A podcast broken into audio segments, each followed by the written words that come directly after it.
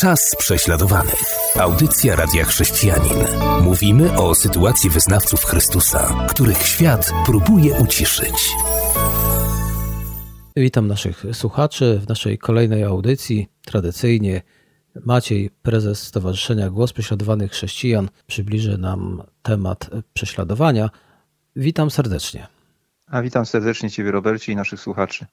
Dzisiaj chcemy porozmawiać o tym, czego możemy spodziewać się w Europie, jeżeli chodzi o prześladowania, bo one, jak to można zauważyć, coraz częściej dotykają e, mieszkańców coraz więcej krajów. Powiedz nam coś o tym. Tak, to prawda. Jak mówiliśmy tydzień temu, chrześcijanie spotykają się z prześladowaniami właściwie w każdym kręgu kulturowym, religijnym czy ideologicznym i próbowaliśmy znaleźć jakiś wspólny mianownik i tym wspólnym mianownikiem przyczyn prześladowań jest fakt, że Ewangelia głosi wyłączność Chrystusa. I tak naprawdę nie można być równocześnie muzułmaninem i chrześcijaninem, hindusem i chrześcijaninem, komunistą i chrześcijaninem. Trzeba wybrać. I jeżeli ludzie wybierają Chrystusa i porzucają swoją dotychczasową religię czy ideologię, to często jest to w poważnym konflikcie z establishmentem religijnym czy politycznym w danym kraju. No i wtedy, aby przeciwdziałać e, rozkładowi systemu społecznego czy politycznego czy religijnego, ci, którzy nim zawiadują, wszczynają prześladowania o różnej skali, różnym natężeniu, ale stąd to się bierze. I tak jak mówiliśmy tydzień temu, oznaki prześladowań widzimy też w świecie, w świecie zachodnim, widzimy potencjalne narastanie konfliktu między przesłaniem Ewangelii a, a tym, co teraz jest y, głoszone, skrajny relatywizm, brak poszanowania dla życia, dla tradycyjnych wartości, zwłaszcza małżeństwa, rodziny.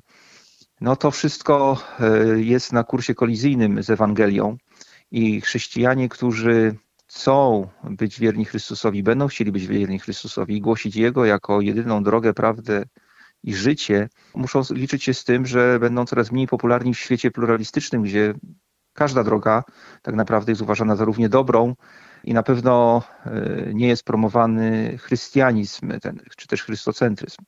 I jak w tym wszystkim się zorientować? No, ja osobiście uważam, że zawsze najlepiej sięgnąć do Słowa Bożego. I dzisiaj chciałbym przedstawić pewien model prześladowań widocznych w dziejach apostolskich, i on nam posłuży jako taki układ odniesienia do próby zrozumienia tego, gdzie jesteśmy, gdzie jesteśmy w Polsce, gdzie jesteśmy w Europie, w świecie zachodnim, w kontekście, w kontekście prześladowań. Ale zanim przejdziemy do modelu, chciałbym podkreślić to, że to nie Bóg wszczyna prześladowania, Bóg je przewiduje. Chrystus przewidział, że będą prześladowania, które pojawią się jako tak naprawdę kontraakcja w ostatecznym rozrachunku Królestwa Ciemności, samego szatana na głoszenie dobrej nowiny. Diabeł będzie zawsze sprzeciwiał się e, głoszeniu dobrej nowiny, będzie zawsze to blokował, no i szuka ludzi, którzy będą z nim współpracować. To tak to przedstawia Pismo Święte.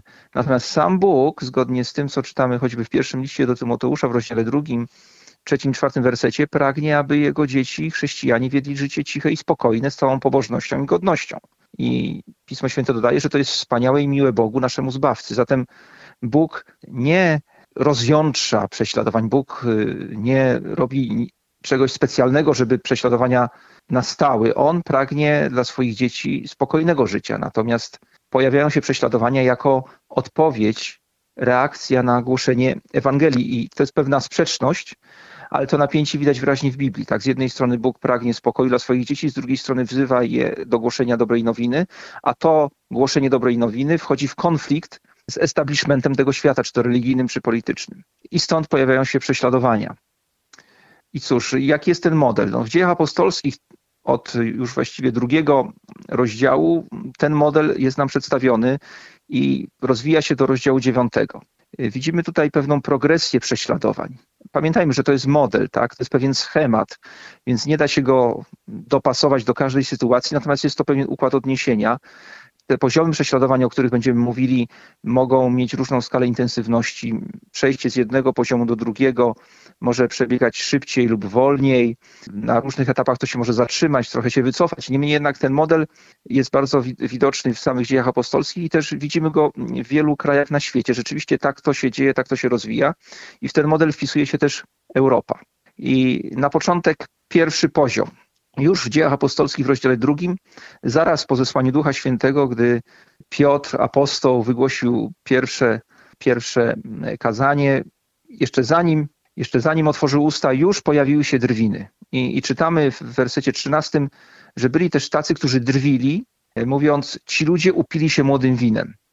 I jak możemy to odnieść do naszej sytuacji tutaj, zwłaszcza w świecie zachodu? Otóż chodzi tutaj nie o zwykłe takie wyśmiewanie się z kogoś gdzieś tam za kulisami prywatnie, ale mamy tutaj drwiny w przestrzeni publicznej. Otóż jest zesłany Duch Święty, apostołowie i pozostali wierzący przeżywają coś niezwykłego, zbierają się ludzie zainteresowani tym, co się dzieje, i w tej przestrzeni publicznej są pewne osoby, które otwarcie drwią z apostołów, ubliżają ich, posądzają ich o, o to, że się upili i robią to zupełnie bezkarnie, bo to jest ważne. Tak? Mogą sobie na to pozwolić i nikt nie wyciągnie żadnych konsekwencji. E, myślę, że nie trzeba być jakimś nawet bardzo wnikliwym obserwatorem rzeczywistości świata zachodu, żeby widzieć, że te drwiny w sferze publicznej, drwiny wobec Chrystusa, świętości chrześcijańskich, wobec samych chrześcijan są bardzo powszechne i właściwie uchodzą ludziom płazem. Nie, nikt nie wyciąga żadnych konsekwencji. Tak? Wręcz przeciwnie, można zbić na tym popularność. I tu moim zdaniem kraje Zachodu już są na tym etapie, ale ktoś mógłby powiedzieć, no i cóż z tego, że się śmieją, że się wyśmiewają, czy to można nazywać już prześladowaniami?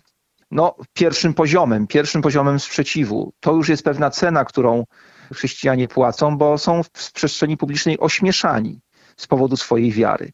Ale co dzieje się dalej? Zobaczmy, że w trzecim i czwartym rozdziale drwiny przeradzają się już w groźby. Tak to działa. Tak? Jeżeli bezkarnie mogę drwić, a ci, którzy są przedmiotem moich drwin, wciąż mi przeszkadzają, ja już ich poniżam, już uwłaczam ich godności, już ranię ich uczucia religijne, no to przechodzę do gruźb. I tak się rzeczywiście stało. Sanhedryn najpierw aresztował tymczasowo Piotra i Jana. Czytamy, że schwytali ich i osadzili pod strażą do następnego dnia. Potem wezwali ich do siebie w wersecie 18 i tam czytamy, że nakazali im, aby nawet nie próbowali mówić lub nauczać w imieniu Jezusa. I to jest bardzo ważny moment, bo do tej pory w Izraelu nie było żadnego ustawodawstwa, nie było żadnego prawa, które zakazywałoby głoszenia Ewangelii. Zatem drwiono z chrześcijan, można było im grozić, ale nie było podstawy prawnej, żeby mm, wymierzyć jakieś sankcje. W tym momencie, na tym drugim etapie, który nazywamy umownie etapem gruźb, pojawiają się, pojawia się już pewne ustawodawstwo, pewien zakaz, na podstawie którego będzie można w przyszłości wymierzyć karę. I potem czytamy w wersecie 21, że po dodatkowych groźbach zwolnili ich, nie znaleźli bowiem nic, za co mogliby ich ukarać. Dlaczego nie znaleźli nic? Bo prawo nie może działać wstecz, oni dopiero je ustanowili. Więc nie mogli zadziałać wstecz, yy, po, ograniczyli się tylko do gruźb i zwolnili, i zwolnili apostołów. Ale prawo zostało wprowadzone. I taką sytuację mamy na przykład w Rosji, gdzie parę lat temu w pakiecie ustaw antyterrorystycznych wprowadzono również ustawy, które de facto penalizują, czy pozwalają penalizować zwykłe głoszenie Ewangelii, nawet wysłanie do kogoś e-maila, czy zorganizowanie jakiegoś spotkania we własnym domu. Jest prawo, które to umożliwia. Czy z tego skorzystają, czy nie, to jest inna rzecz, a korzystają już władze rosyjskie z tego prawa, ale prawo jest. I świat zachodni, moim zdaniem, właśnie zmierza wielkimi krokami do tego, żeby wprowadzać ustawodawstwo, którego chrześcijanie z racji swojej wiary nie będą w stanie przestrzegać, będą musieli złamać ten zakaz, żeby być wierni Chrystusowi i głosić w całej pełni Ewangelię, w całej y, jej wielowymiarowości. Teraz zapraszam naszych słuchaczy do wysłuchania utworu muzycznego, po którym wracamy i będziemy przechodzić dalej. Czas prześladowany. Audycja Radia Chrześcijanin. Witam po przerwie muzycznej. Rozmawiamy o prześladowaniu chrześcijan, o tym, że to się wszystko rozwija, rozwija się w różnych krajach, a prezes Stowarzyszenia Głos Prześladowanych Chrześcijan na podstawie Pisma Świętego pokazuje nam, jak to może mieć miejsce. Proszę, kontynuuj. No tak jak już powiedziałem, mamy ten model w dziejach apostolskich, przedstawiony między rozdziałem drugim i dziewiątym tej księgi. Pierwszy poziom przedstawionych tam prześladowań to są drwiny, drugi groźby. I groźby oznaczają również, że wprowadza się konkretny zakaz. I został wprowadzony zakaz przez Sanhedryn, zakaz głoszenia Ewangelii, zakaz mówienia o imieniu Jezus. Jaka jest odpowiedź apostołów? Jaka jest odpowiedź pierwszych chrześcijan? Nadal głoszą Ewangelię. I tu przechodzimy do trzeciego poziomu prześladowań, gdzie prześladowania się intensyfikują z racji tego, że jest już prawo, które można wyegzekwować, jeśli chrześcijanie go złamią. I takim prawem właśnie jest zakaz głoszenia Ewangelii. I w związku z tym w rozdziale 5, w wersecie 18 czytamy o tym, że Sanhedryn nakazał schwytać apostołów i osadzić ich w publicznym więzieniu. Oni zostali już osadzeni w więzieniu, ponieważ złamali konkretne prawo.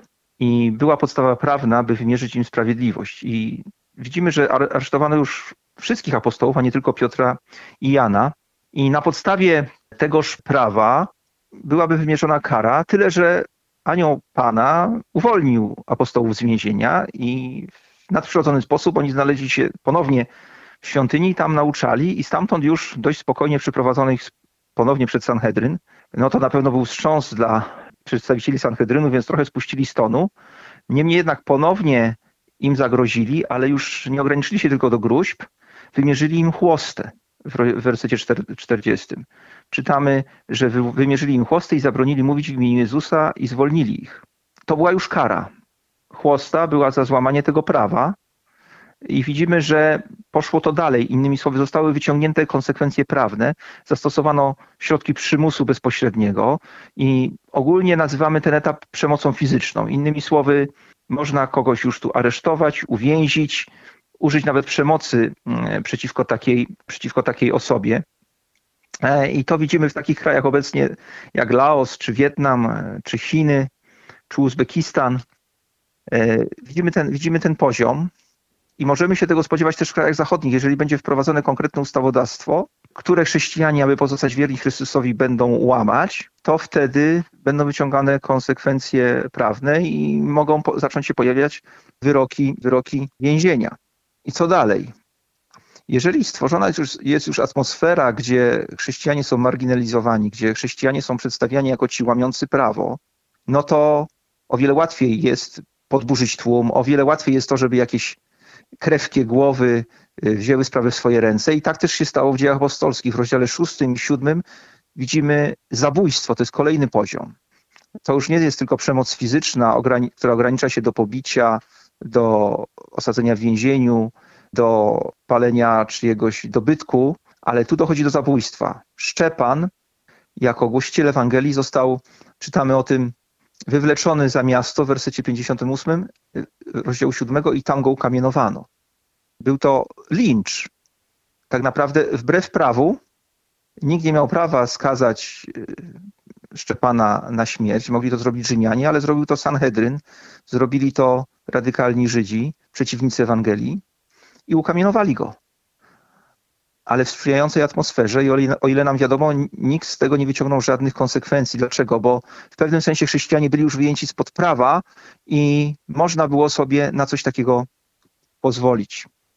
I znowu, jeżeli dojdzie już do tego etapu, że można bezkarnie zabić chrześcijanina z powodu jego wiary, a do takich zabójstw dochodziło w ostatnich latach i w Turcji, i na, wschod, na wschodzie Ukrainy, i w Indiach, i w Indonezji, i na Sri Lance, i na południu Filipin, i w Egipcie, i w wielu innych krajach, no to potem jest już tylko jeden krok do masowych prześladowań i one rzeczywiście rozpoczęły się w samej, w samej Jerozolimie Judei.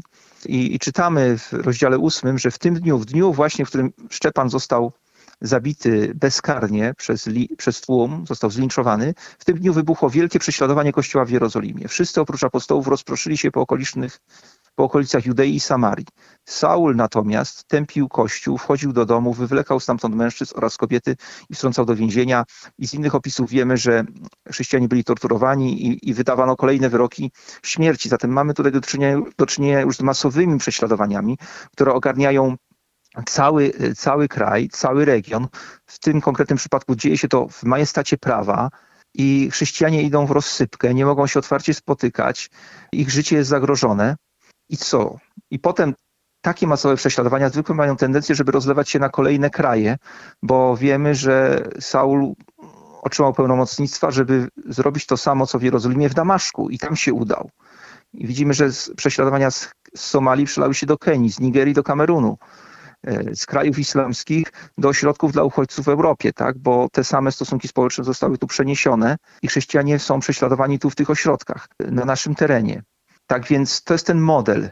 Widzimy, jak te prześladowania się nasilają. Tak jak powiedziałem, one mogą, ten proces może przebiegać z różną, z, w różnym tempie, szybciej, wolniej, może się gdzieś wycofać, może się gdzieś zatrzymać, ale jeżeli sprawy zostaną pozostawione swojemu biegowi, to możemy się spodziewać właśnie takiej, takiej progresji i widzieliśmy ją na przestrzeni historii Kościoła i w ostatnich kilkudziesięciu latach w bardzo wielu krajach.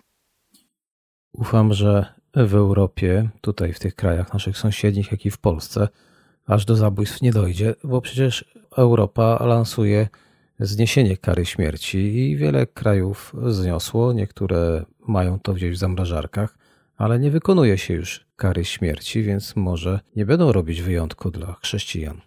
A myślę, że nie grozi nam w najbliższej przyszłości takie ustawodawstwo, gdzie za bycie chrześcijaninem byłaby kara śmierci, natomiast do linczów y, mo, może, może dochodzić. Nie mówię, że już, że teraz, ale jeżeli spirala nienawiści wobec chrześcijan będzie się nakręcać, to, no to tego rodzaju lincz, bo musimy pamiętać, że zabójstwo Szczepana to był lincz, tak? To nie była realizacja wyroku sądu, tak naprawdę to był bezprawny, bezkarny lincz. Zapraszam do wysłuchania utworu muzycznego, a po nim wracamy. Będzie część trzecia i ostatnia. Czas prześladowanych. Audycja Radia Chrześcijanin. Jesteśmy już po krótkiej przerwie muzycznej. Część trzecia. Macieju, jaka powinna być nasza odpowiedź na całą tą sytuację, o której do tej pory mówiłeś? Te prześladowania się nasilają. Pokazałeś model, że to od gruźb może skończyć się nawet e, śmiercią. W takim bądź razie, jak my mamy się zachować? Myślę, że zgodnie ze Słowem Bożym, na wszelkie przejawy prześladowania jest tylko jedna odpowiedź: dalsze głoszenie Ewangelii to przecież głoszenie Ewangelii, aktywna wiara w Chrystusa wywołuje prześladowania. Można by powiedzieć, no to zaraz, to odpowiedzią na głoszenie, na prześladowania ma być dalsze głoszenie Ewangelii? Tak, z dwóch powodów. Po pierwsze jest to nakaz Chrystusa. On zlecił nam głoszenie Ewangelii wszelkiemu stworzeniu.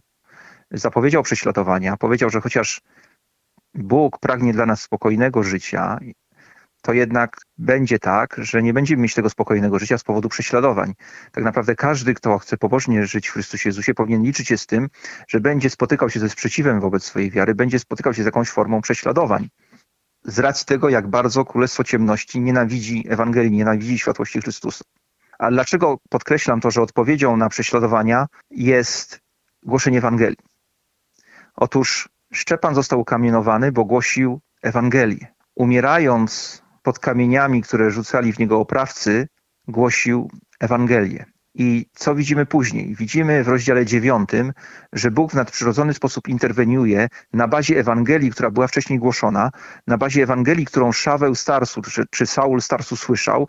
Chrystus mu się objawia i Szaweł Starsu nawraca się.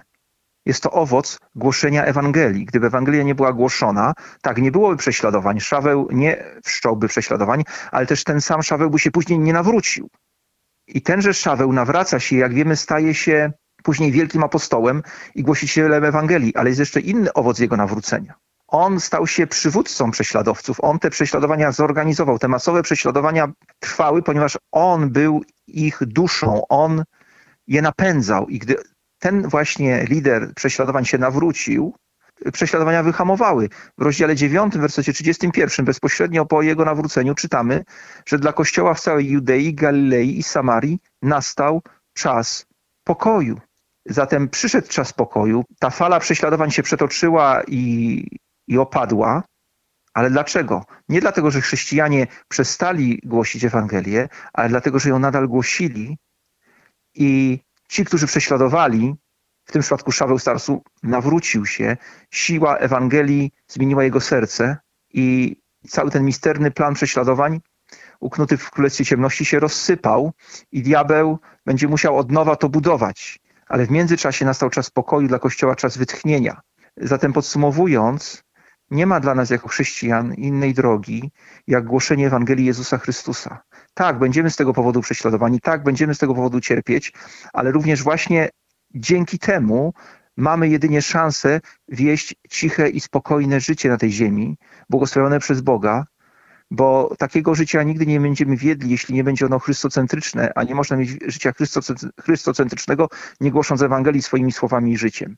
Jest to pewna klamra, pewien paradoks, ale tak jest przesłanie Nowego Testamentu i naszego Pana Jezusa Chrystusa. Nie ustawajmy w dzieleniu się dobrą nowiną, bo jak widać, może znaleźć pocieszenie, przebaczenie grzechów ktoś, kto nas prześladuje. I chyba dlatego Biblia mówi, abyśmy się modlili za tych, którzy nas prześladują. Dokładnie tak. Dziękuję za przybliżenie nam procesu, jak przebiega prześladowanie. Zapewne w wielu miejscach tak to ma miejsce, bo to widzimy już teraz współcześnie, można to śledzić. I tego właśnie życzę naszym słuchaczom, aby dzielili się dalej Ewangelią, aby nie ustawali w tym, co robią, nawet jeżeli ktoś Ciebie nie lubi, to Ty go kochaj. Kończymy, prawda? Tak i amen. Tak, kończymy. Dziękuję za uwagę. I ja również. Do usłyszenia w kolejnej audycji. Do usłyszenia. Była to audycja Czas prześladowanych.